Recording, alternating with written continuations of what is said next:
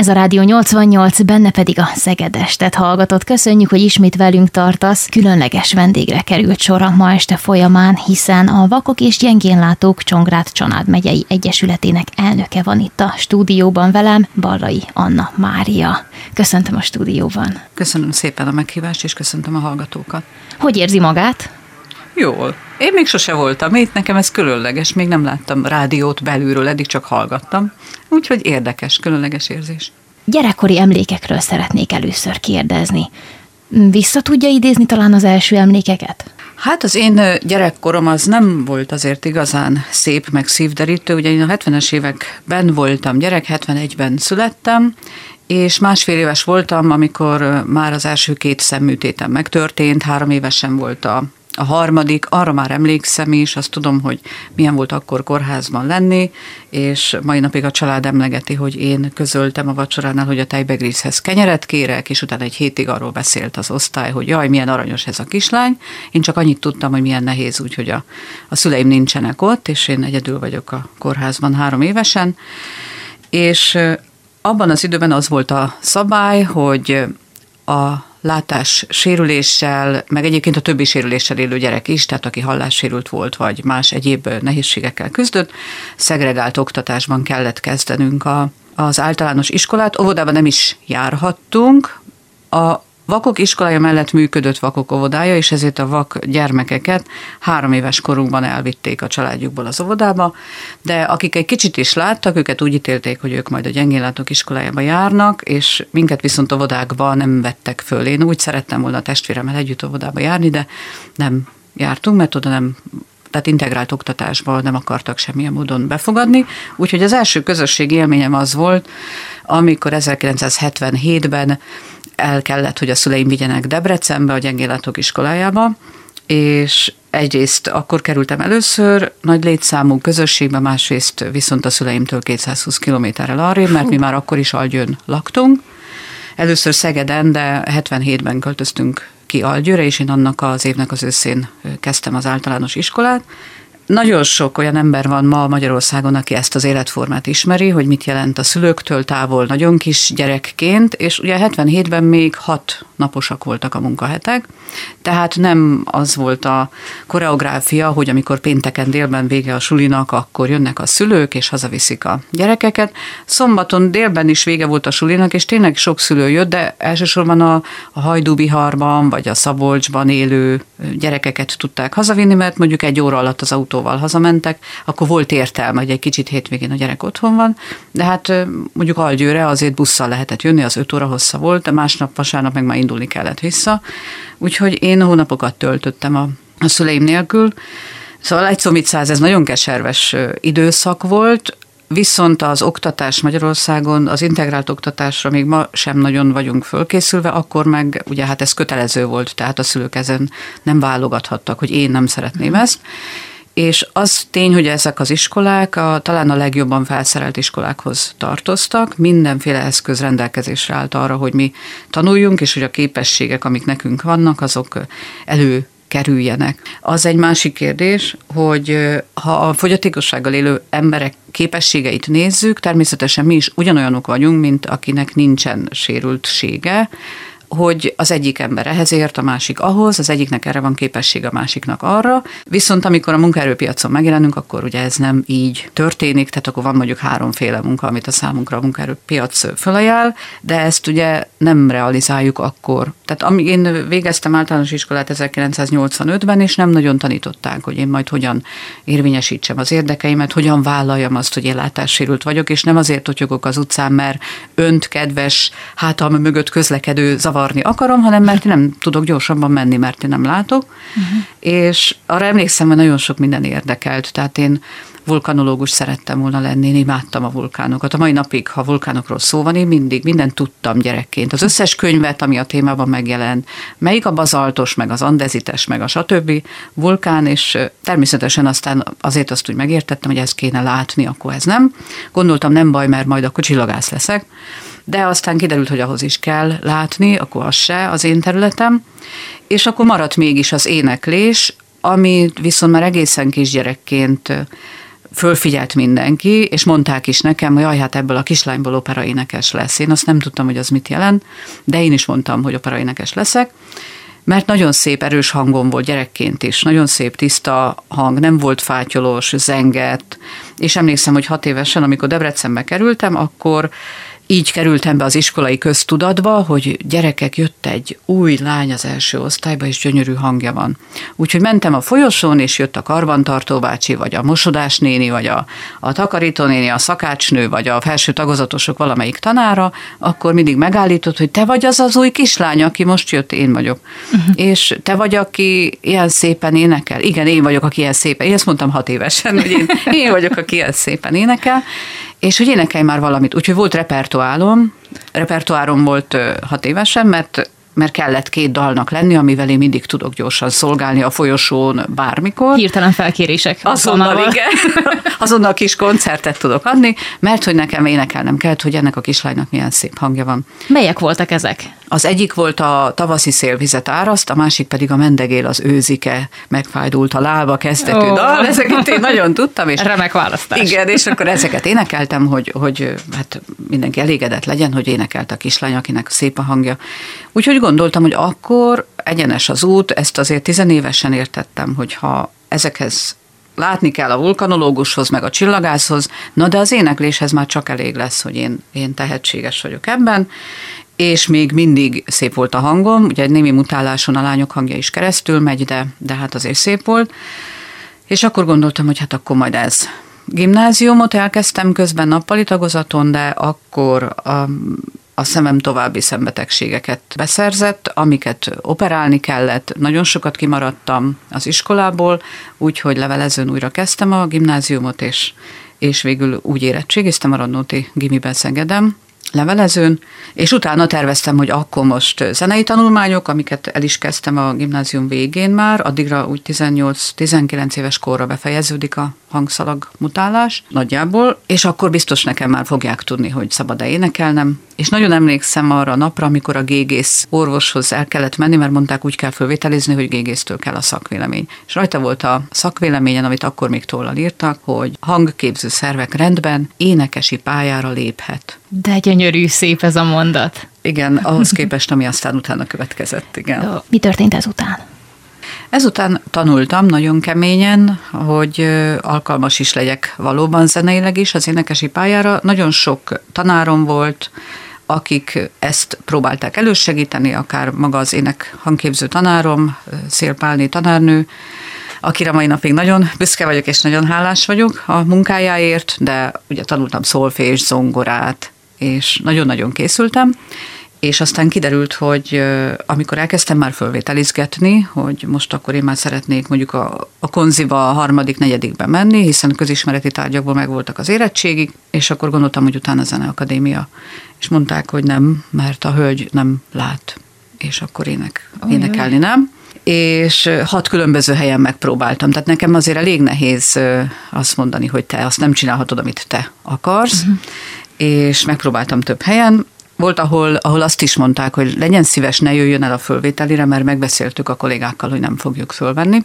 Csak így? Igen, igen, igen. Úgyhogy nagyon-nagyon nagyon kemény időszak volt ez, és ekkor hát többek közt megértettem azt, hogy amit én addig nagyon hittem, amit a szüleim nekem mindig mondtak, hogy olyan gyerek vagy, mint a többiek, tanulj, mert a tanulás nem veszi el tőled senki, és a dolgozol, annak majd lesznek gyümölcsei. És ekkor kezdtem először azt látni, hogy ez sok emberre igaz lehet, de hogyha ennyi hátrányal indul valaki, például valamilyen fogyatékossággal él, akkor nem biztos, hogy ez fog történni, hogy az ő munkájának majd lesznek eredményei. Én akkor már próbálkoztam ezzel, hogy próbáljunk különbségeket tenni, hiszen van az operaénekes, akinek valóban kell tudni a színpadon mozogni.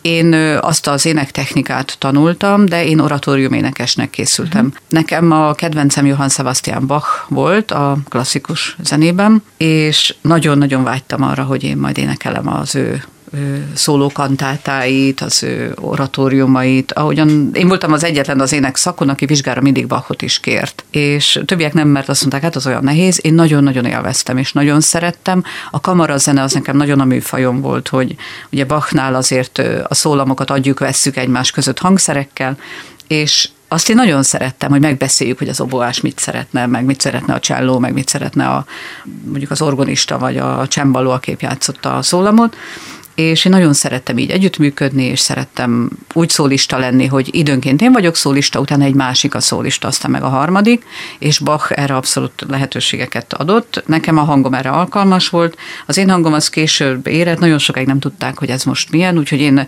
a Hámol Mise alt áriától a Verdi állarcos bál, Oscar, koloratúr szopránáriáig mindenféléket énekeltem, amikor kellett vizsgára készülni. Az igen. Azért ez egy nagy hangterjedelmet feltételez. Ez nagy, és aztán kiderült egyébként, hogy egy fiatal drámai szoprán a hangfaj, amiben én tartozom, vagyis egy kicsit erőteljesebb, mint a, a lírai, sötétebb színű, és ugye a mély lágék is jobban, erősebben szólnak, de annál meg kicsit világosabb, mint egy, egy drámai szoprán és tulajdonképpen ezek, ebben a hangban sok lehetőség rejlik, de én ezt így el is képzeltem, hogy én állok egy zenekar előtt, ahhoz ugye nem kell mozogni, ahhoz nem kell különösebben látni, az ember megtanulja darabokat, és akkor ott énekel.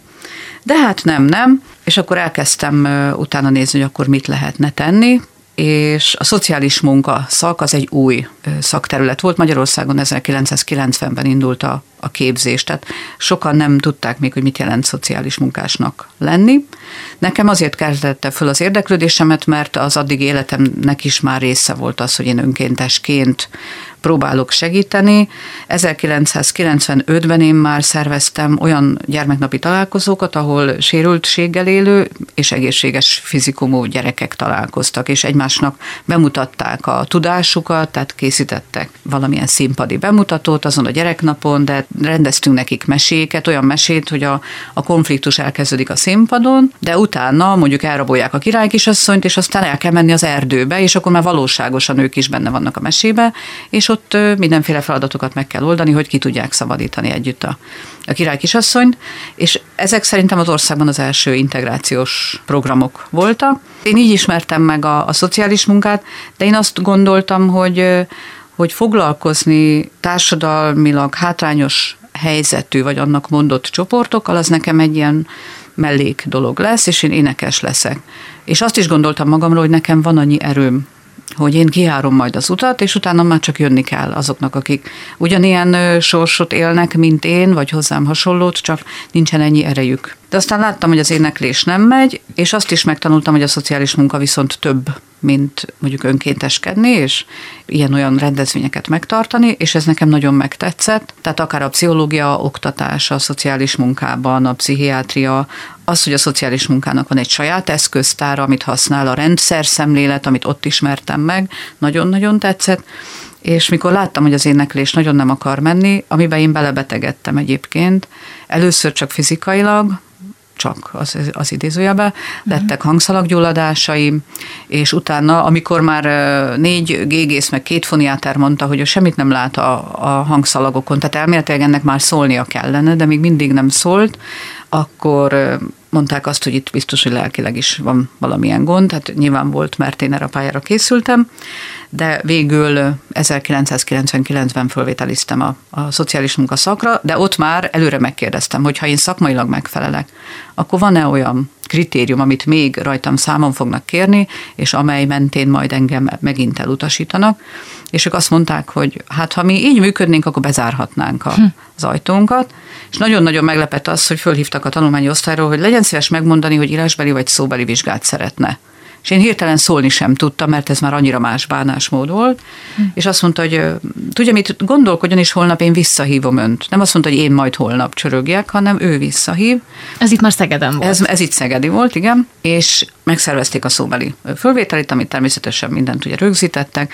Különleges élményem volt, hogy négy évvel később a főiskolán ugyanannál a bizottságnál államvizsgáztam, mint akiket szerveztek nekem a, a szóbeli fölvételire, de azután még egyetemre is elmentem, az már Pécsen volt, és most jelenleg a titulusom szerint okleveles szociális munkás vagyok mentálhigiéné. Szakirányon, egy ilyen kutatói klinikai szakirányon végeztem Pécsen, ez és hány év volt összesen egyébként? Hát ez de... tanulni összesen hat, uh-huh. de én 1999-től 2003-ig voltam a főiskolán, és aztán 2009-ben mentem a, a mesterképzésre, és 11-ben Akkor végeztem. volt egy pár Igen. szünet. Mi történt ebben a néhány évben? Abban a néhány évben én elsősorban ö, azzal ismerkedtem, hogy mit lehet a szociális munkából kihozni. Tehát mik azok a területek, amin én dolgozni tudok. Nem nagyon volt azért akkoriban erre példa. Emlékszem, hogy a következő látássérült hallgató az akkor érkezett a főiskolára, amikor én negyedikes voltam. Ő akkor volt elsős. Azóta már többen is végeztek ott, de, de nem volt ez megszokott. És kerestük a helyünket, hogy hol tudnánk mi a szociális munkának melyik részén tudnánk dolgozni. És én nagyon sok minden civil szférában, civil szervezeteknél próbáltam ki, hogy egy látássérült ember mit tud kezdeni ezzel a, a szakterülettel, és egyébként elég sokat, ami viszont megint nem annyira egyszerű, hogy Magyarországon itt még mindig kell, hogy várakozzunk, amíg nem tudom, egy pár évtized eltelik, hogy, hogy ez a szemlélet meghonosodjon, mert egy látássérült szociális munkás például azokon a területeken, ahol szociális terápiákat kell tartani, képességfejlesztés, készségfejlesztés, ami szóba jöhet a, a munkanélküli emberek képzésében, akik például arra készülnek, hogy hogyan is kellene állásinterjú részt venni, vagy hogyan kellene mondjuk megírni egy önéletrajzot,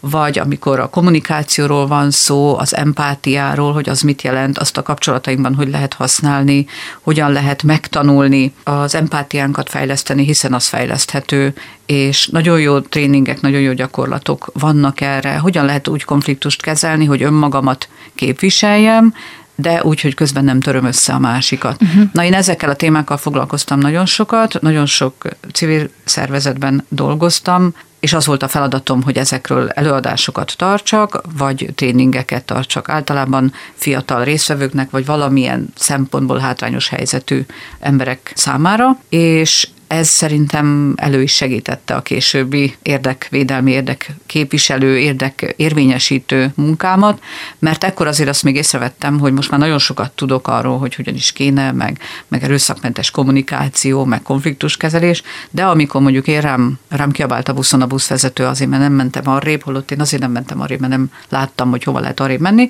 akkor én nem mertem megszólalni, és nem mertem tenni semmit, és amikor az egyetemre jártam, és be akartam iratkozni az egyetemi könyvtárba, is megkérdeztem, hogy van-e itt olyan szolgáltatás, hogy a látássérült hallgató az kérhetné, hogy összeszedjék neki a könyveket, hiszen én nem tudok fölmenni, és a különböző polcokról leszedni a könyveket, akkor mérges lett az ügyintéz, hogy maga tulajdonképpen miért jön ide és hát mondtam, hogy nyilván nem káposztát főzni jöttem, hanem én is hallgató vagyok, és tanulni szeretnék.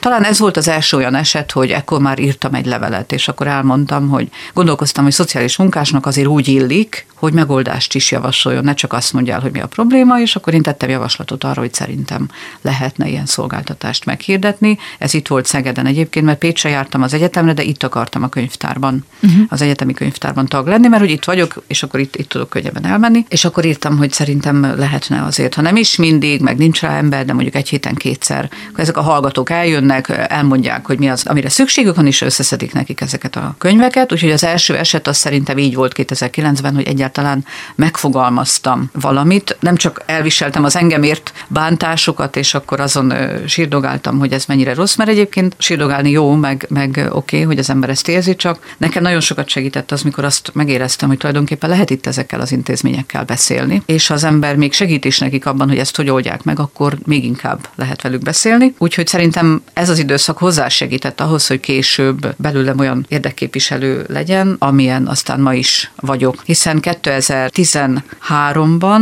hívott először az Egyesület, akkor nem én voltam még a vezető. Természetesen tag voltam, már 85-től tagja vagyok az Egyesületnek, mert amikor én 10 éves voltam, akkor ez így divat volt. Látássérült vagy 14 éves, vagy lépjél be, mert utazási kedvezmény, uh-huh. meg ez az. Annyira nem talál találtam meg a baráti társaságomat benne, azok ugye barátaim végül máshonnan kerültek elő, de időnként ilyen olyan kulturális programokon részt vettem, meg tudták, hogy ha énekelni kell, valakit hívjatok már, az Anna Máriát majd meghívjuk, azt az énekel majd valami, és akkor mentem arra, és 13-ban viszont mondták, hogy te olyan szociális munkás vagy, azt mondtad, ugye? Az, az. Hát akkor kellene egy tréning a villamos meg a vezetőknek, hogy hogyan tudnak bánni, meg segíteni a, a látássérült utasokkal. Ez egy Na. nagy lépés lehetett akkor, hogyha kiindulunk abból a könyvtáros esetből, hogy a Igen. érdekképviselet és a többi. Ez Igen. hogy zajlott? Hogyan lehet képezni ilyenkor? Hogyan lehet érzékenyíteni ezeket az embereket? Óriási tanuló mező volt egyébként, egy ilyen study field volt ez, és utána előkészítette azt, hogy utána egy évvel később a Tiszamalánhoz kellett menni ugyanígy. Beszélünk arról ilyenkor a járművezetőkkel, hogy,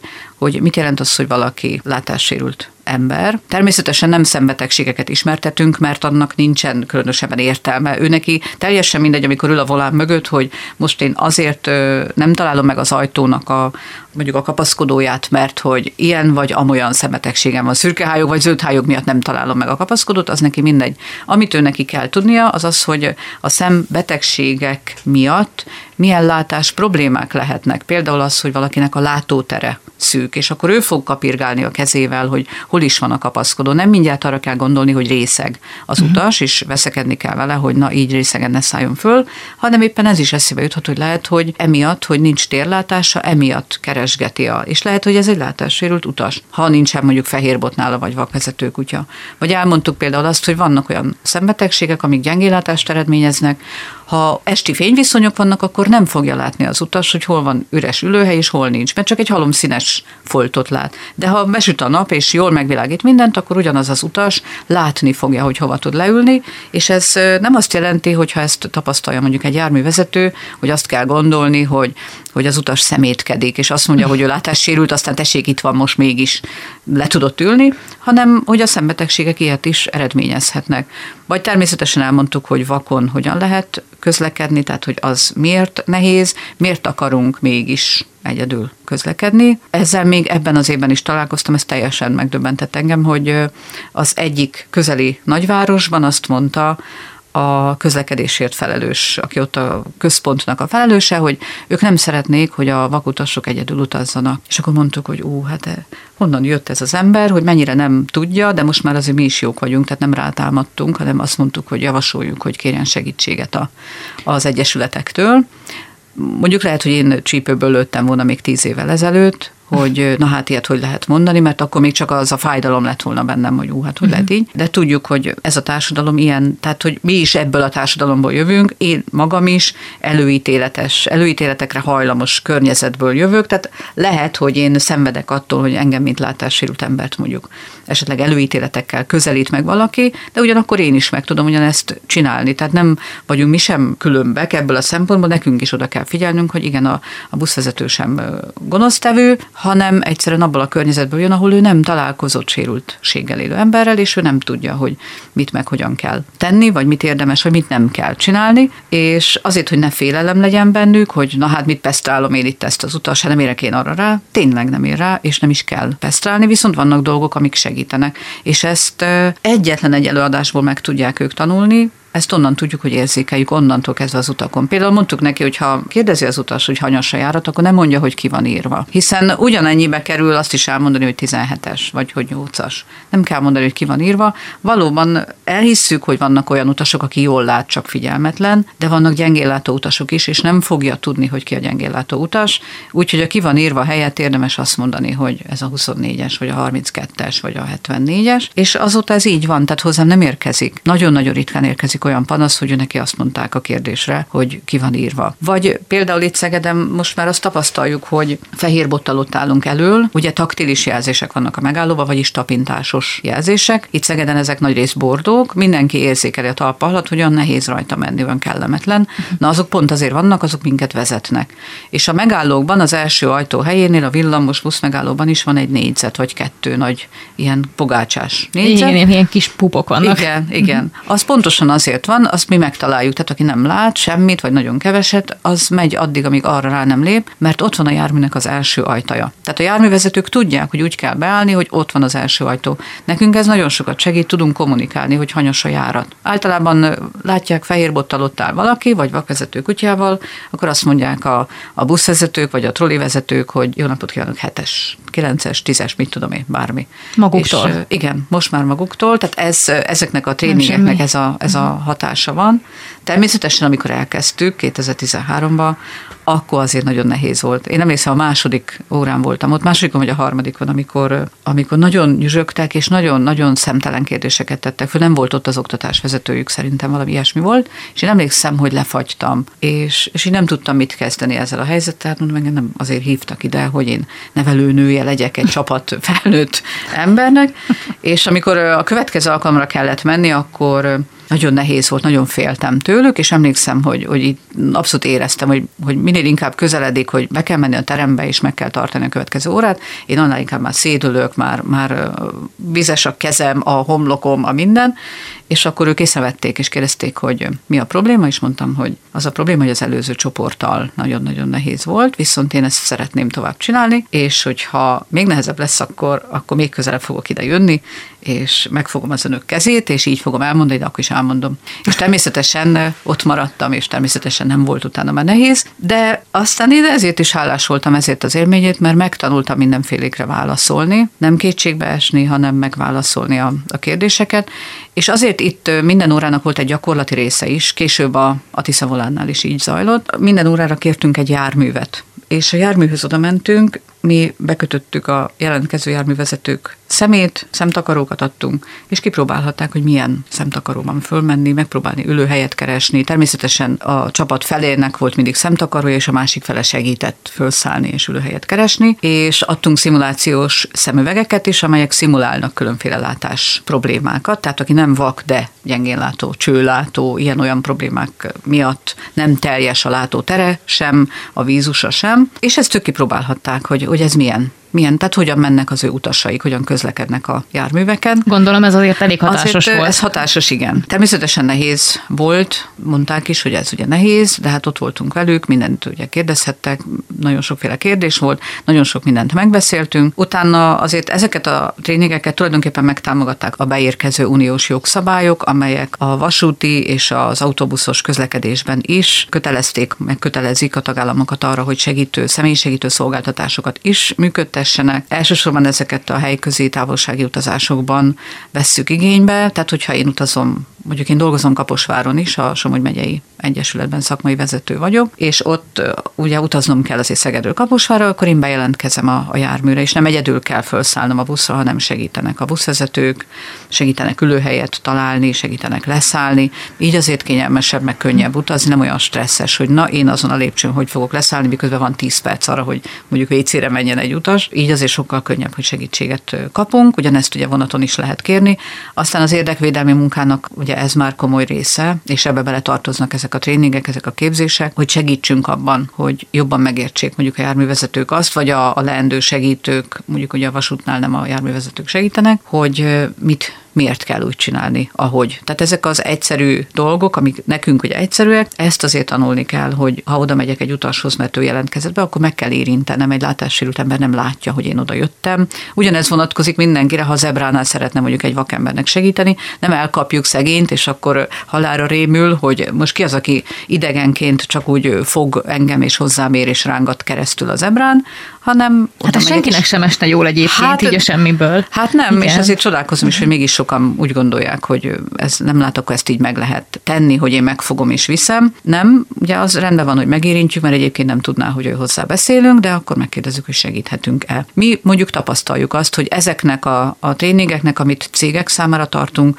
vagy ugyanezeknek ugye a, az iskolai változatát tartjuk iskolás gyerekeknek, amiket szoktunk érzékenyítő, vagy mi inkább már szemléletformáló tréningeknek nevezni, előadásoknak, programoknak. Ezeknek az egyik része, ez már nagyon kezd beivódni a, a köztudatba, hogy megtanulják ezeket az emberek, és tényleg kérdezik, hogy jó napot segíthetek. Mert nem biztos, hogy kell segíteni, lehet, hogy ahogy a nő szeretne, az úgy még balesetveszélyes is, tehát mindig bátorítunk mindenkit, hogy kérdezze meg, és utána azt is, hogy hogyan, mire van szükség.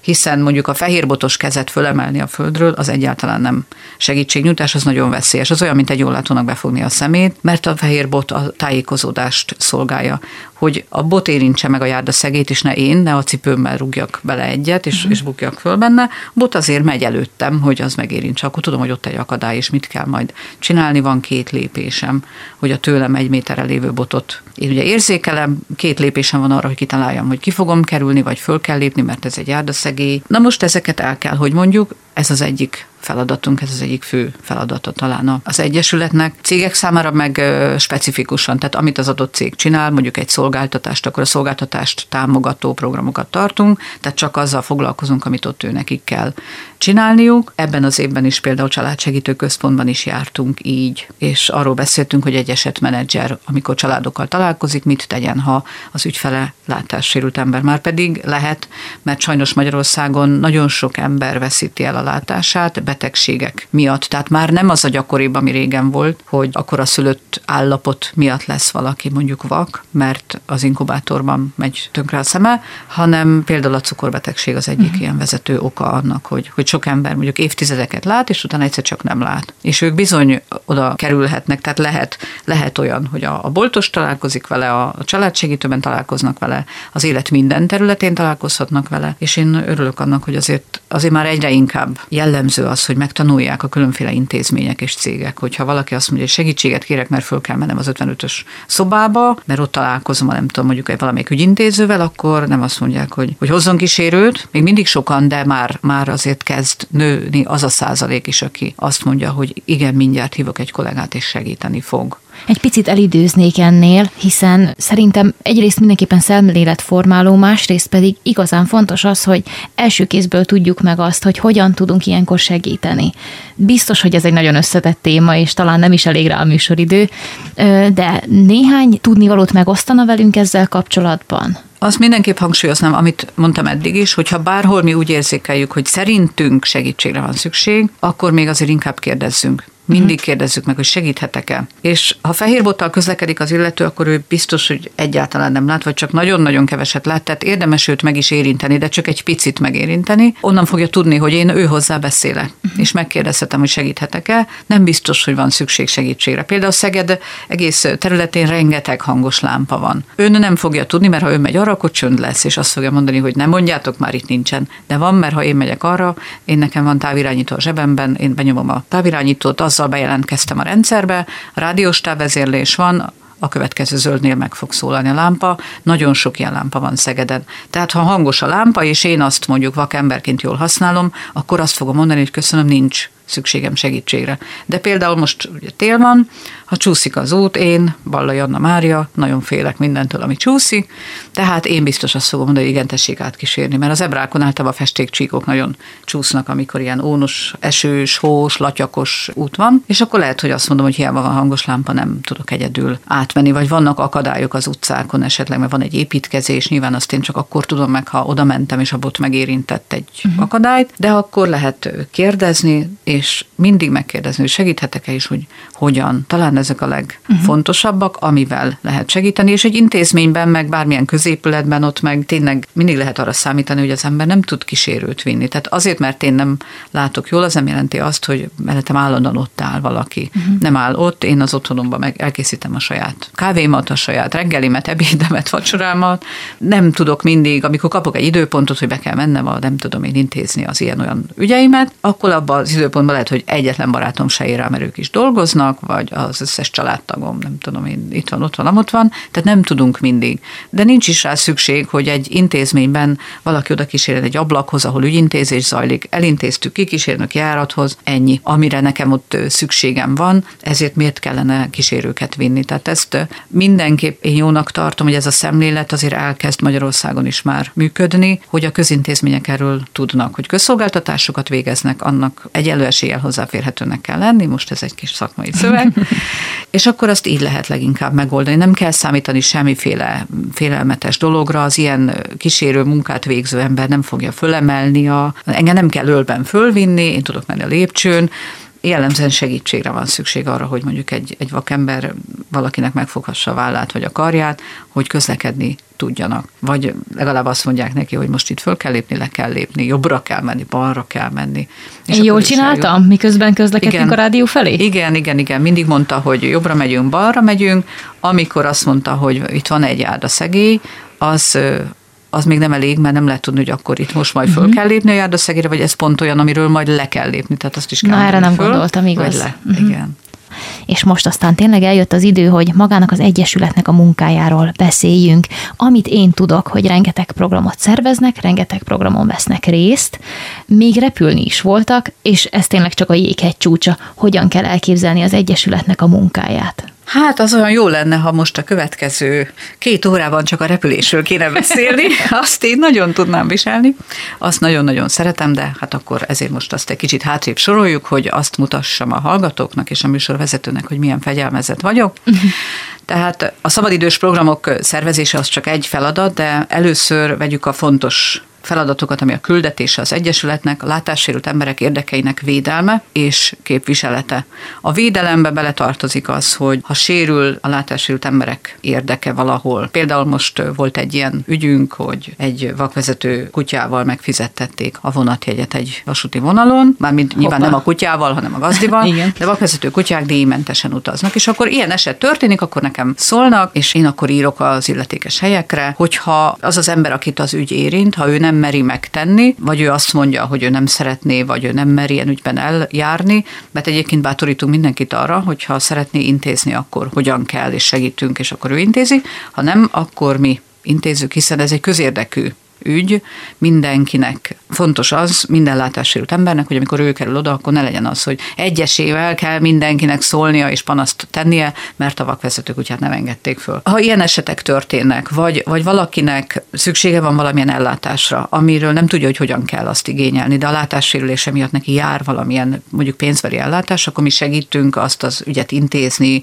segítünk a papírokat kitölteni, vagy elkísérjük, hogy el tudja intézni ezt az ügyet. Jogi segítséget is nyújtunk, hiszen a Szegedi Tudományegyetem általános jogtudományi karával együttműködünk már 2007 óta, jogklinika szolgáltatást nyújtanak nekünk, ami azt jelenti, hogy a minden szemeszterben a, a hallgatók, akik ezt a kurzust fölveszik, civil szervezetekhez járnak, és ott az ügyeket, amik ott foglalkoztatnak mondjuk egyes tagokat, vagy maga az egyesület szeretne mondjuk valamilyen jogi kérdésben választ találni, akkor a hallgatók fölveszik az ügyet, elviszik a, az oktatóikhoz, akik ugye ott tanítanak és gyakorló ügyvédek is általában, és ott próbálják megoldani, vagy megmutatni nekünk, hogy milyen megoldások felé kell elmenni. Tehát így közvetlen jogi segítséget is tudunk nyújtani az egyesületi tagoknak. Ügyeiket intézzük és képviseljük őket. Ez ugye a védelem, hogyha valakivel valami történik, és uh-huh. akkor abban kell segíteni. Az meg a képviselet, hogyha előre megyünk, még nem történik mondjuk semmi, de megpróbáljuk mondjuk elérni az akadálymentes környezet kialakítását. Ezzel mi nagyon sokat foglalkozunk, és amikor nekem nehéz napok vannak, és elkeseredem, hogy, hogy mi az értelme ennek a munkának, akkor ki kell mennem, hogy Szegeden sétáljak, hallom, hogy mennyi hangos lámpa van, meg mennyi vezetősáv van, akkor mindjárt látom, mert ez egy látható eredmény például mondjuk Szegeden, hogy az akadálymentes környezet ugye kell ahhoz, hogy tudjunk élni, létezni, tanulni, szórakozni, színházba járni, a munkahelyre, iskolába, bármit csinálni. Ha én kijövök a lakásomból, és én egy vakember vagyok, nekem el kéne tudnom menni a busz megállóig, ott föl kellene tudnom szállni a buszra, kéne hallanom a buszon, hogy mikor melyik megálló van, uh-huh. hogy mhm. tudjam, hogy hol kell leszállni. Hogyha megyek az egyetemre, vagy a munkahelyemre, vagy a boltba, akkor jó lenne, ha oda is el tudnék úgy találni, hogy éppen nem ütközöm neki semminek, és nem megyek bele semmibe, nem lépek bele sehova, vagy egy étteremnek az utcai kihelyezett székeibe, asztalaiba, vagy éppen a megállító táblákba, ehhez kellenek nagyon a vezetősávok, vagy egy középületben mondjuk intézni akarok valamit, és betalálok, ezekhez is a vezetősávok a, a legcélszerűbbek. Ugye ezek a taktilis, vagyis tapintásos jelzések, amelyekkel tudunk közlekedni. Most ebben is az Egyesület próbál segítséget nyújtani önkormányzatokkal, hatóságokkal, kivitelezőkkel, tervezőkkel működünk együtt, tehát konkrétan hozzák a nagy tervrajzokat ki, terítik ott nálunk az irodába, és akkor már ezt is tanulják a mérnökök, hogy hogyan kell látássérült emberek számára megmutatni. Régebben még volt az, hogy nincs egy jól látó munkatárs, tessék már valakit, aki van, de nem hozzuk ide, mert önnek az én számomra kell ezt a tervet mhm. elérhetővé tennie, hogy én meg tudjam mondani, hogy pontosan hogyan kanyarodjon az a vezetősáv. És ez most már itt Szegeden egészen jól megy. Ilyen modellként szeretnénk ezt, ahogy mutattuk is tavaly, mert tavaly volt egy kétnapos rendezvényünk, meghívtunk az országos szövetségünknek több tagegyesületét, a 21 tagegyesületből 10 itt volt Szegeden, és megmutattuk, hogy mi az, amit mi már itt megpróbáltunk elérni. Ugye ez az érdekképviseletbe beletartozik, vagy az is, amikor például a szolgáltatást támogató tréningeket tartjuk, hogy a buszvezetők, vagy a trolli villamosvezetők, vagy a vonaton, a vonaton dolgozó munkatársak, azok úgy tudjanak bánni a látássérült utassal, ahogyan az megfelelő. Ez mind beletartozik az érdekképviseletbe, és akkor ezek mellett van az, hogy szolgáltatásokat nyújtunk, de mondjuk az is nagy részt, nagy részt inkább ebbe a védelembe képviseletbe tartozik, az, hogy ügyintézést segítjük, az, hogy lehet nálunk igénybe venni. Például el tudjuk mondani, hogy a rehabilitációba hova tud menni, ha nem uh-huh. ismerkedett még meg az, hogy elemi rehabilitáció, hogy ő látott, de most már nem lát. És akkor szeretné megtanulni, hogy hogy tud közlekedni, vagy hogy tud főzni, mert ő látva tudott főzni, de most nem lát, most hogy tud főzni. Akkor mi tudjuk az alapítványhoz, a Kreatív Formák Alapítványhoz irányítani, ami ebben a régióban végzi az elemi rehabilitációt, nagyon jó kapcsolatunk van, nagyon jól el tudtuk különíteni a feladatainkat. Nyilván nekünk van olyan tagunk, aki ott például dolgozik, és tanít mondjuk okos eszközök használatát, okos telefonokat meg lehet tanulni ő vele, hogy azok hogyan működnek, hogy lehet azt vakon használni, és mindenfélét csinálni rajta. Meg nagyon sok egyesleti tagunk ennél az alapítványnál van, tehát ilyen közös klienskörünk van tulajdonképpen, de nagyon jól el tudjuk különíteni, hogy ki mit csinál ebben a, a feladatkörben, és a, a szabadidős programok azok is nálunk vannak az érdekképviselet mellett. Hát szabadidőben viszont, ami ugye nekünk ott is egy cél, az tulajdonképpen az az érzékenyítésnek egyfajta másodlagos útja, bár ha én személyesen szakmailag talán így helyes mondani, mert ez a általánosan elfogadott szakmai nézet, hogy az érzékenyítő vagy szemléletformáló program az ugye egy direkt előadás, meg, meg ugye tapasztalati része az, hogy bekötjük a szemedet, és akkor ott te megtapasztalsz uh-huh. dolgokat, de szerintem nekem a személyes véleményem az az, hogy az igazi érzékenyítés az, amikor egy sérült ember jelen van. És lehet azt mondani rám, hogy érintett vagyok a látássérüléssel, lehet mondani mondjuk a testvéremre, aki jól lát, hogy ő érintett azért, mert neki van egy látássérült testvére, és ő sok mindent tud, hogy én velem mi történik, de ha ezt az analógiát nézzük, akkor talán azt lehet mondani, hogy leginkább úgy lehet szemléletet formálni, ha érintetté tesszük az embereket. Uh-huh. Ő meg akkor lesz érintett, ha azt tudja mondani, hogy a, a szimfonikus bérletem az olyan helyre szól, ahol mindig ül mellettem egy látássérült ember, ezt szoktam vele beszélgetni. Tehát én színházba járok, és egy látássérült ember is tudom, hogy jár, és látom, hogy hogyan segítenek neki a kabátját berakni a ruhatárba, meg, meg mit mond az előadásokról, meg elmentünk együtt már kávézni, mert segítettem neki a szünetbe kávézni, és akkor ő érintett lesz, bár lehet, hogy a családjában nincsen.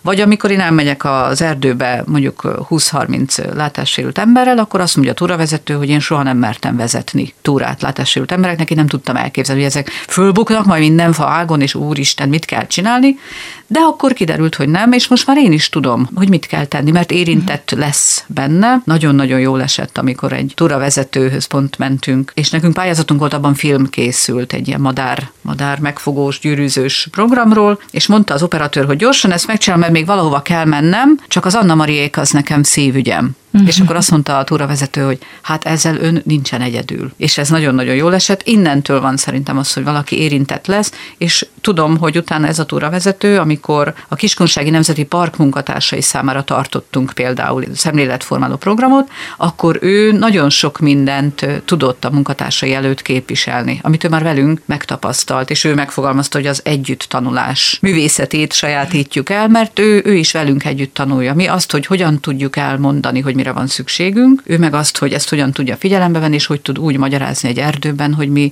mi elájulunk a gyönyörűségtől, hogy mennyire, mennyire éljük azt, amit ő elmond, és mennyire, mennyire át tudjuk érezni az egész erdőt. Korábban arról is beszéltünk, hogy például repülni is voltak nem olyan régen. Nagyon szeretném, hogy ezt a kettőt összehasonlítanánk. Azt gondolom, gyökeres különbségek vannak. Milyen élményekkel távoznak egy túráról például, vagy egy városi sétáról, amikor olyan helyre mennek, ahol nem jártak addig? Mondjuk az erdő az természetesen varázslatos, tehát az erdőben illatok vannak, amint belépünk, azonnal vannak illatok. Ha nem mond a túravezető semmit, akkor is azokat hm. lehet érezni. Lehet hallgatni, ahogyan a lábunk alatt megszólal a talaj, ugye az ősszel az avar, de tavasszal meg mondjuk halljuk, ahogyan olyan tompa hangja van, mert mondjuk esetleg a füvön megyünk, vagy a mohán megyünk, vagy recsen egy ág, madarak vannak, én személy szerint nagyon-nagyon, én buszokat tudok elkésni a madarak miatt, mert, mert hallgatom, és menni kéne már a buszra, de te vagy az oka, te cinege ottan, mert énekeltél, és meg lehet fogni nagyon sok mindent, fákat, növényeket, bogarakat, mondjuk azt annyira nem szeretjük, amikor egy túravezető adja hátra bogarat, nem kell, nem akarok bogarat fogni,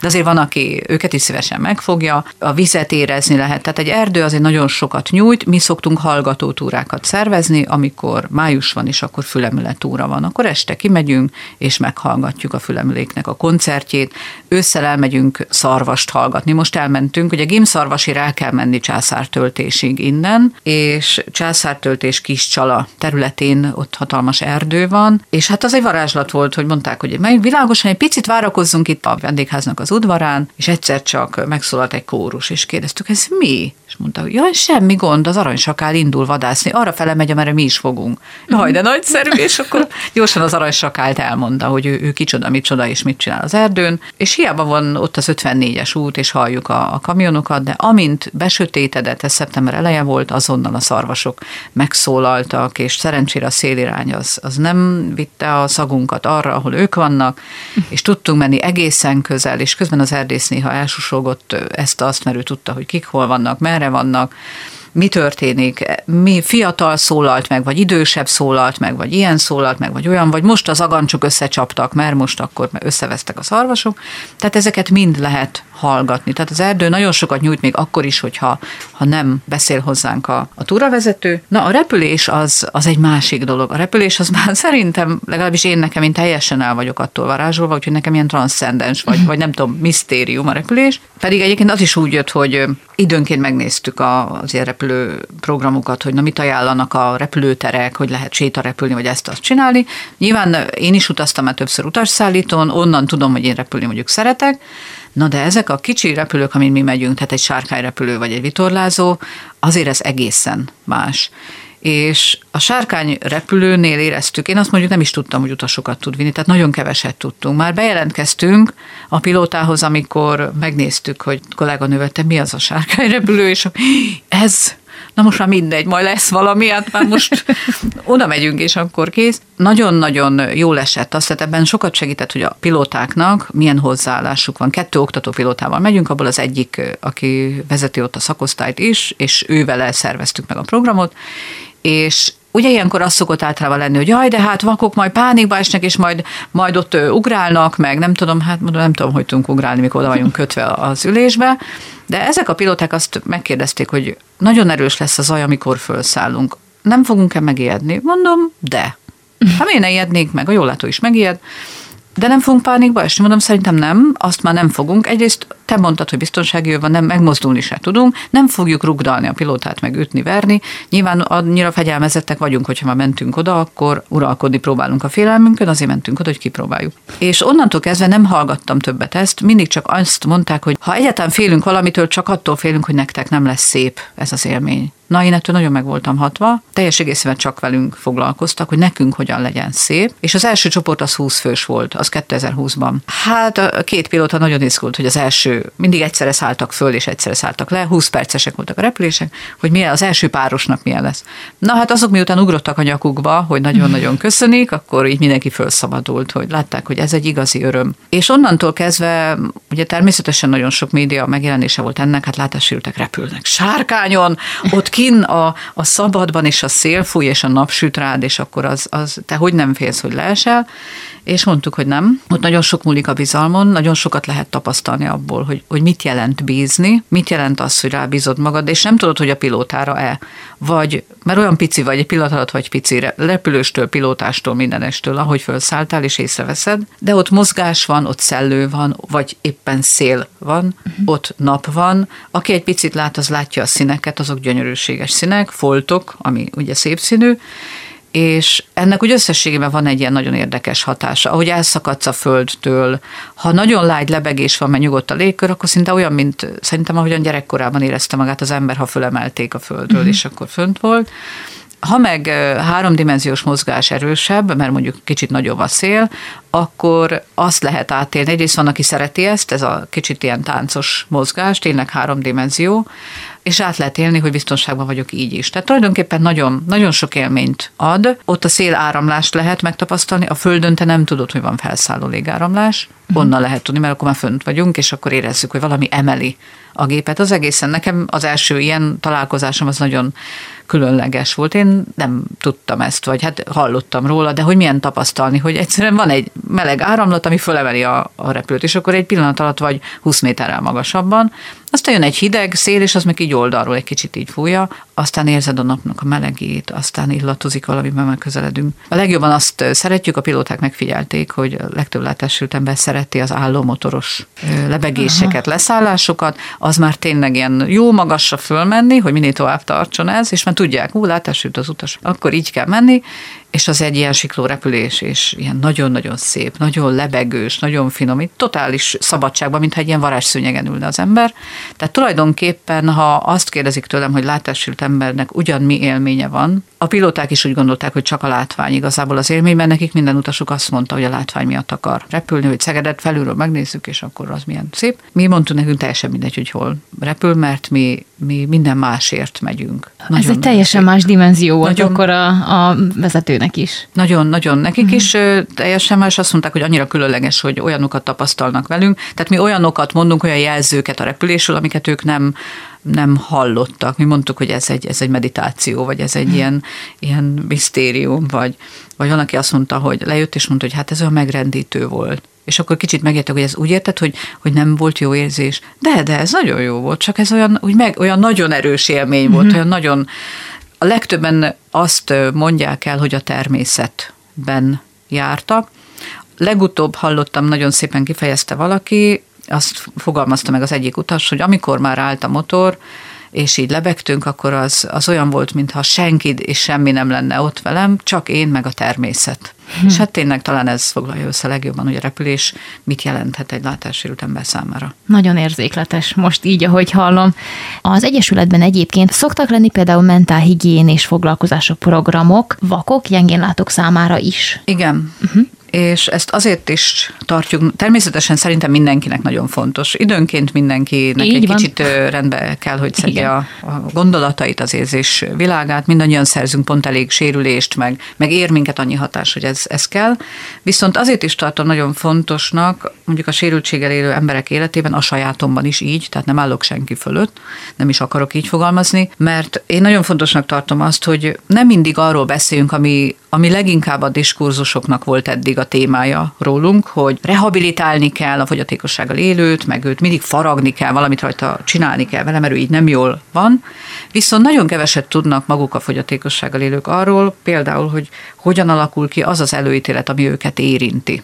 És én nagyon fontosnak tartom, hogy a fogyatékosság tudománynak ezeket az eredményeit el tudjuk mondani. És mi elmondjuk, továbbadjuk mondjuk a, a résztvevőknek, hogy mit jelent az, hogy alakul ki az előítélet. Amikor mérges vagyok, vagy haragszom azért, mert a társadalomnak a nálam szerencsésebb tagjai, mert ők jól látnak, jól hallanak, van két lábuk, ami működik rendesen, tehát átlagos, nem tudom, fizikai adottságokkal vannak ellátva, és ők engem megítélnek, mert én más vagyok, akkor ezt azért érdemes tudni, ez honnan van, ez honnét jön, mi az oka ennek, és hogyan tudunk ezen segíteni, hogyan tudunk úgy információkat nyújtani önmagunkról, hogy az előidézhessen egy hatékony kapcsolatfelvételt, meg hatékony kapcsolattartást. Például amikor megharagszik valaki nálunk, ugye a villamos nem nyitja ki az ajtaját, a villamost kívülről ki kell nyitni. De a villamos kinyitja akkor az ajtót, a villamos vezető megnyomja a nyitó gombot, ha azt látja, hogy fehér bottal közlekedő utas van, mondjuk a megállóban. Hogyha valaki nem látja már, hogy hol van a gomb, de ő még nem szeretne fehér botot se használni, ugye ekkor van a probléma, ő szeretné, hogy tudják ő róla, hogy ő nem lát, ő már nem látja, hogy hol a nyitogomb, viszont nem fogják tudni róla, mert nem látszik rajta. Na ezt a korlátot, ezt a gátat átlépni, hogy, hogy van, eljön az az idő, mikor meg kell fogjam mondjuk a, a, a fehér botot, hogy, hogy láttassam, hogy megmondjam, hogy igen, én, én nem látok, én azért nem tudom. Vagy amikor a boltba segítséget kell, hogy kérjek, ami nagyon nehéz, mert nem mindenki segít szívesen, mondjuk az eladók, vagy nem is találom meg az eladókat, és akkor lehet hazamenni, meg, meg lehet mérgelődnünk, de, de azt is lehet, hogy például szólunk az ilyen egyesületben, mint amilyen a miénk, hogy abba a boltba írjatok már egy levelet, mert én nem merek még írni, de majd én is egyszer csak merek, de most még nem, hogy valahogyan beszéljük már meg, hogy hogyan lehetne egy olyan helyet találni abban a boltban, ahol biztos, hogy mindig van eladó, és akkor én oda megyek, és ott kérek segítséget. Megtanulni, nyilván ahhoz előbb el kell fogadnom a saját állapotomat, ami egyébként nagyon nehéz, ki akar sérült ember lenni.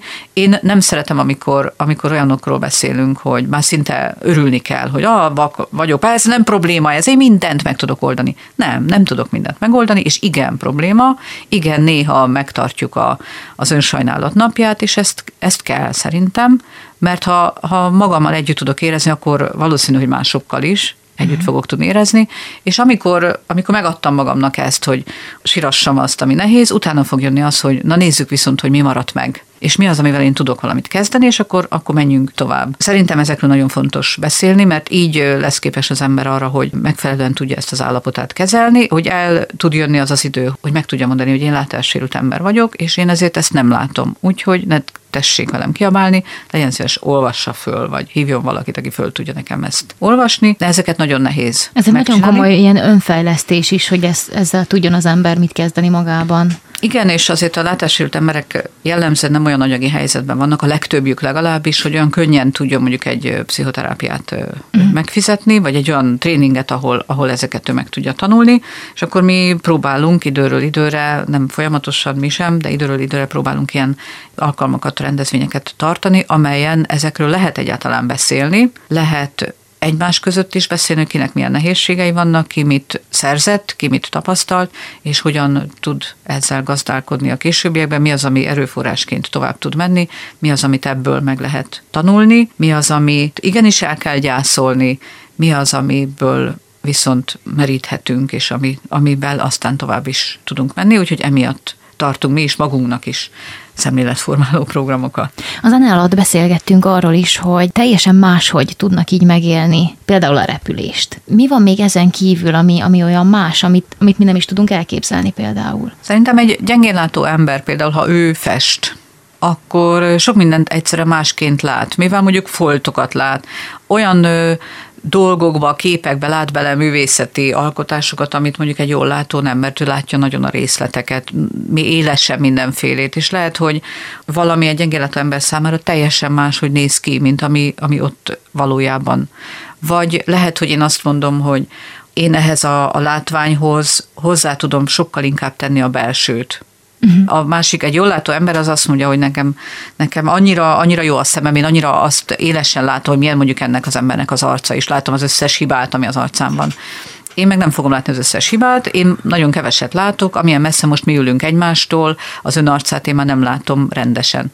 Ezért én biztos, hogy elsősorban fogok arra hangsúlyozni, hogy mit tapasztalok, milyen lelki benyomásom lesz, uh-huh. mit érzékelek a másik ember felől, és ez nekem meg fogja határozni azt is, ahogyan őt nézem. Uh-huh. Hogy az a külső, amit én abból fölfogok, az milyen lesz. Tehát szerintem nagyon sok dolog van, amit, amit lehet máshogyan, lehet máshogyan látni. Egyáltalán a fogyatékosság vagy, vagy sérültség, mint állapot, az lehet egy, egyfajta szemléletmód is. Tehát lehet azt mondani, hogy lehet hangsúlyozni, hogy én nekem az a bajom, hogy én nem látok annyit, mint a többiek.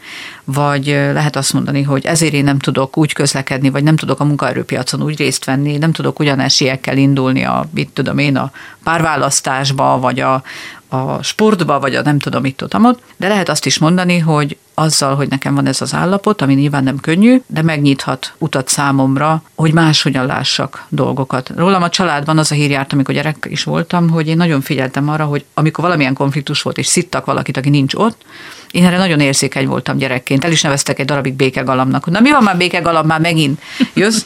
Mert én mindig próbáltam, hogy na jó, de ő most mit mondana erre? Vagy lehet, hogy nem azért csinálta, hanem ezért.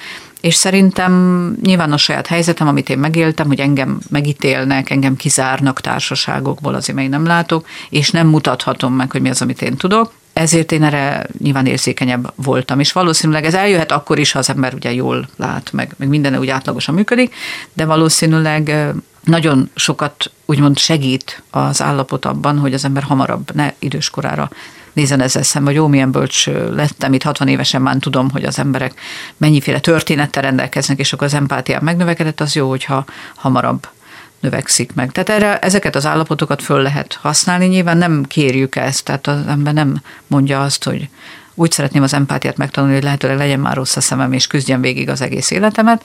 Ez fordítva van, hogy ez lesz az állapot, ez van, és akkor ebből kell talán megpróbálni valamit kihozni, és ez az állapot lehetővé teszi, hogy az ember érzékenyebb legyen, hogy máshogyan tekintsen az emberekre, máshogyan tekintsen azokra a dolgokra, amik vele, vele történnek. És ezt mondjuk tovább is tudja adni. Mindig emlékszem, hogy a pilóták azt mondták, hogy ők tényleg azért is szeretnek, sok mindenért szeretnek velünk lenni, és szeretik, mikor viszem a csoportokat, de azért is, mert, mert olyan dolgokat tanulnak tőlünk, amit még megfogalmazni sem nagyon tudnak maguknak, de egyszerűen abban a repülésben, amit évtizedek óta ők ismernek, mi, mi teljesen mást érzünk meg, és teljesen más tapasztalunk. És most ők, az egyik gyengén látó utas arról beszélt a pilótának, hogy milyen színárnyalatokat lát a, nem tudom, a napnyugtában, és akkor mondta a pilóta, hogy hát ezeket ő eddig nem vette észre. Pedig hát hány, több ezer repült órája mhm. van. És akkor utána ment ő is, és ő is azokat kezdte figyelni. És tényleg, hogy nem vettem én ezeket észre? Vagy hogy a napnyugtának illata van. Milyen illata van? Hát a repülőtéren az összes füveknek, amik ott vannak, ott rengeteg fű van, uh-huh. és, és ilyen fű, fű illatú és ha azt nem lát az ember, akkor is tudja, hogy most, most elkezdett lemenni a nap. Most nagyon közele vagyunk, mondjuk egy órányira vagyunk a napnyugtától, mert ezeknek a füveknek a, egy ilyen elegye van, és az kezd el illatozni. Addig nem lehet érezni, de akkor lehet érezni, és onnan tudja, hogy akkor is, ha nem látja egyáltalán semmit, nem, hogy közeledik a napnyugta. És ugye a felszállások nyáron abban a legjobbak. Tehát azok a, mikor ezt így megérzi, akkor ha most induljunk, most induljunk, mert most szép. Bizony az egyetemre is bejárnak. Hogyan történnek ezek a dolgok ott? Tulajdonképpen az előbb ugye beszéltünk arról, hogy mennyire fontos, hogy mi magunk meg tudjuk fogalmazni, hogy mire van szükségünk, és az egyetemen tulajdonképpen erre van lehetőségünk. A gazdaságtudományi karról érkezett a felkérés. Én a mai napig nagyon-nagyon csodálattal, meg, meg meglepődve állok a dolog előtt. Az ilyesmit én nem a gazdaságtudományi karról gondoltam volna, ugye nekem is lehetnek előítéleteim. Én azt gondoltam a gazdaságtudományi karra, közgazdászok járnak, azoknak ilyen szögletes feje van, és azok így azt mondják, hogy piac, meg pénz, meg haszon, meg, és akkor ezeket így tudják, de más nem tudnak. Ez nem igaz, és jó, örülök, hogy én, én is kapok ilyen leckét, és megtanultam. Nagyon sok mindennel foglalkoznak ott, például esélyegyelőségi programjuk van, ami a karnak a saját esélyegyelőségi programja, hát ezt nem is láttam még máshogy, és nagyon sok kurzusba bevonnak minket, tehát önkéntességet ők tanítják, hogy mit jelent a civil szervezetekben dolgozni, és annak keretében több civil szervezettelő kapcsolatban állnak, ahol többek között nálunk is a hallgatók, akik ezt a kurzust fölveszik, egy adott szemeszterben 20 óra önkéntes munkát végeznek, és így ismerkednek azzal, hogy egy adott civil szervezet mit dolgozik, és mit tesz, és miért teszi azt. De például járunk a fenntartható mobilitás menedzsment kurzusra, ahol beszélhetünk arról, hogy mit jelent a az akadálymentes közlekedés, hogy számunkra a mobilitás a szobámtól kezdve mondjuk az egyetemig tartó útvonal, a teljes útvonal, tehát abba beletartozik a járda, beletartozik az ebra, a lámpa, az autóbusz, hogy az akusztikus utas tájékoztatási rendszer működjön, vagy hogy az egyetem épülete, ahova be kell jönnöm, az olyan akadálymentes legyen, hogy én föl tudjak menni mondjuk egy adott terembe. És akkor ez mit jelent? Mit jelent a digitális akadálymentesség, vagy a fizikai, vagy a infokommunikációs, vagy éppen a személyi segítés, és ezekről mi beszélünk. Tehát akik ebben érintettek, nagyon érdekes érdekes nekem azt tudni, utólag az órák értékeléséből, hogy nagyon szeretik a hallgatók ezeket az órákat. Egyébként közvetlen haszon is volt már ebből, mert van egy alkalmazás, ami közlekedéssel foglalkozik, Szegedi, és nem volt akadálymentes, most már úgy nagyjából az, mert a kurzus nyomán, a kurzusra jártak olyan emberek, akik dolgoztak olyan munkacsoportokban, ahol azt az alkalmazást fejlesztették. Ők természetesen gyakornokként, de ők akartak segíteni. Tehát én nem, nem is kellett kérnem, hanem ők mondták, hogy mit tegyünk azért, hogy, hogy mi a közelébe vagyunk ennek a fejlesztésnek, hogy, hogy ez ne ilyen legyen, hanem akkor legyen akadálymentes. Hát ez engem nagyon meglepett, de más kurzusok is vannak, ahol van olyan kurzus például a gazdaságtudományi karon, ahol azt tanulják, hogy, hogy helyben milyen fejlesztésekre van szükség, és erre is a civileket kérik meg, hogy mondjunk el fontos témákat. Én adtam két témát, és mind a kettőt fontosnak találták, és akkor abban ők kutatásokat végeztek. Az egyik pont ez az adott alkalmazás volt, aminek így utána néztünk. De most tavasszal például indul egy új kurzus is, amelyet civil szervezetekkel többek közt velünk együtt dolgozott ki az egyetem. Ez pedig azzal foglalkozik, hogy a jövendő HRS-eit is ez az egyetemi kar képzi, és ez azzal foglalkozik majd ez a kurzus, hogy a megváltozott munkaképességű emberek foglalkoztatása miért értékes. Azt miért lehet elképzelni HRS-ként is, meg cég tulajdonosként is, hogy a mi cégünk az vegyen föl megváltozott munkaképességű embert. Én nagyon szeretem is ezt, tehát nagyon, nagyon jó érzés ezt csinálni, és ez újra tényleg arra ad lehetőséget, hogy mi magunk vállaljunk felelősséget azért, hogy na most itt van a fórum, akkor fogalmazzuk meg és foglalkozunk azzal, mi, mi szükséges nekünk, ahhoz, hogy ebben a társadalomban élni, létezni tudjunk, és akkor ezt így lehetővé teszi az egyetem. Ilyen a gazdaságtudományi kar, de a, a Juhász Gyula tanárképzőn is például a közösségszervezők számára többször tartottunk órákat, ott is szemeszterenként tartunk egyet, arról, hogy mit jelent szabadidős programokat szervezni látássérült emberek számára, és ő nekik, akik mondjuk a jövendő művelődési házainak, központjainak lesznek a vezetői, nekik arra próbálunk bátorítást, motivációt adni, hogy nem az a feladatuk, hogy szegregált programokat szervezzenek, ők azt megcsinálják, az a mi dolgunk, mert nálunk az Egyesületben látássérült emberek vannak, nyilván mi nekik fogunk programokat csinálni, ők a mindenki számára megtervezett programot tudják akadálymentessé tenni, mm. hogy a látássérült ember, meg mondjuk a hallássérült, mozgássérült is részt tudjon venni benne. Nem sok időnk maradt ebből az adásból, de a 20 éves évfordulóra mindenképpen rákérdeznék, meg arra is, hogy miért 70 is egyszerre ez az egész. 1954-ben alakult meg a Vakok és Gyengénlátók Csongrád megyei szervezete, amely a Vakok Szövetségének a megyei szervezeteként működött. A jelenlegi helyünkön 1967 óta vagyunk a Bocskai utcában, és 2004-ben megyei szervezetből átalakultunk egyesületté amely még mindig az országos, a Magyar Vakok és Gyengénatok Országos Szövetségének a tagja, de önálló jogi személyiséggel bíró egyesületként, tehát tagegyesületként vagyunk most már ennek a szövetségnek a tagjai, úgyhogy egyszerre vagyunk 70 és egyszerre 20 évesek, de több más szervezettel együtt, tehát úgy szeretnénk ünnepelni, hogy ne ismételgessük magunkat megyénként, hogy mi valami, majd valami különlegeset találjunk. Még nem tudjuk, hogy ez mi lesz. Mondjuk januárra tervezzük már, hogy ismerkedni szeretnénk azzal, hogy működik Szeged. A megye több településéről is fognak erre érkezni majd résztvevők, de januárban, februárban, márciusban tervezzük azt, hogy megnézzük, hogy működik a hulladékkezelés, vagy hogy működik a víz ellátás Szegeden, vagy éppen a távhőközpont. Egy kicsit ezzel ismerkedünk, és biztosan lesznek továbbra is szakmai programjaink, amelyekkel a jogi egyetem segítségét és az ő tőlük érkező tudást osztjuk meg másokkal, tehát a többi tagegyesülettel, és szeretnénk fölhívni még jobban magára az egyesületre is a figyelmet, nem csak arra, hogy a látássérült embereknek milyen helyzete van most Magyarországon, és mi az, amin kell javítani, hanem arra, hogy mit jelent civil szervezetként ezt az érdekvédelmi munkát ma Magyarországon végezni. Anna, nagyon szépen köszönöm, hogy a vendégünk volt ma este. Nagyon-nagyon-nagyon hasznos és rengeteg információval, de még mindig nem eléggel, én úgy gondolom, látott el bennünket. Azt gondolom, ez kizárólag azért van így, mert túl kevés volt az idő. Én köszönöm szépen a lehetőséget. Kedves hallgató, köszönjük, hogy velünk tartottál. Nagyon hasznos információk jutottak a birtokunkba. Nagyon vigyázz magadra, és arra, akit szeretsz. Jövő héten ugyanitt ugyanekkor ismét kitárul a minden tudás kapuja. Halihó!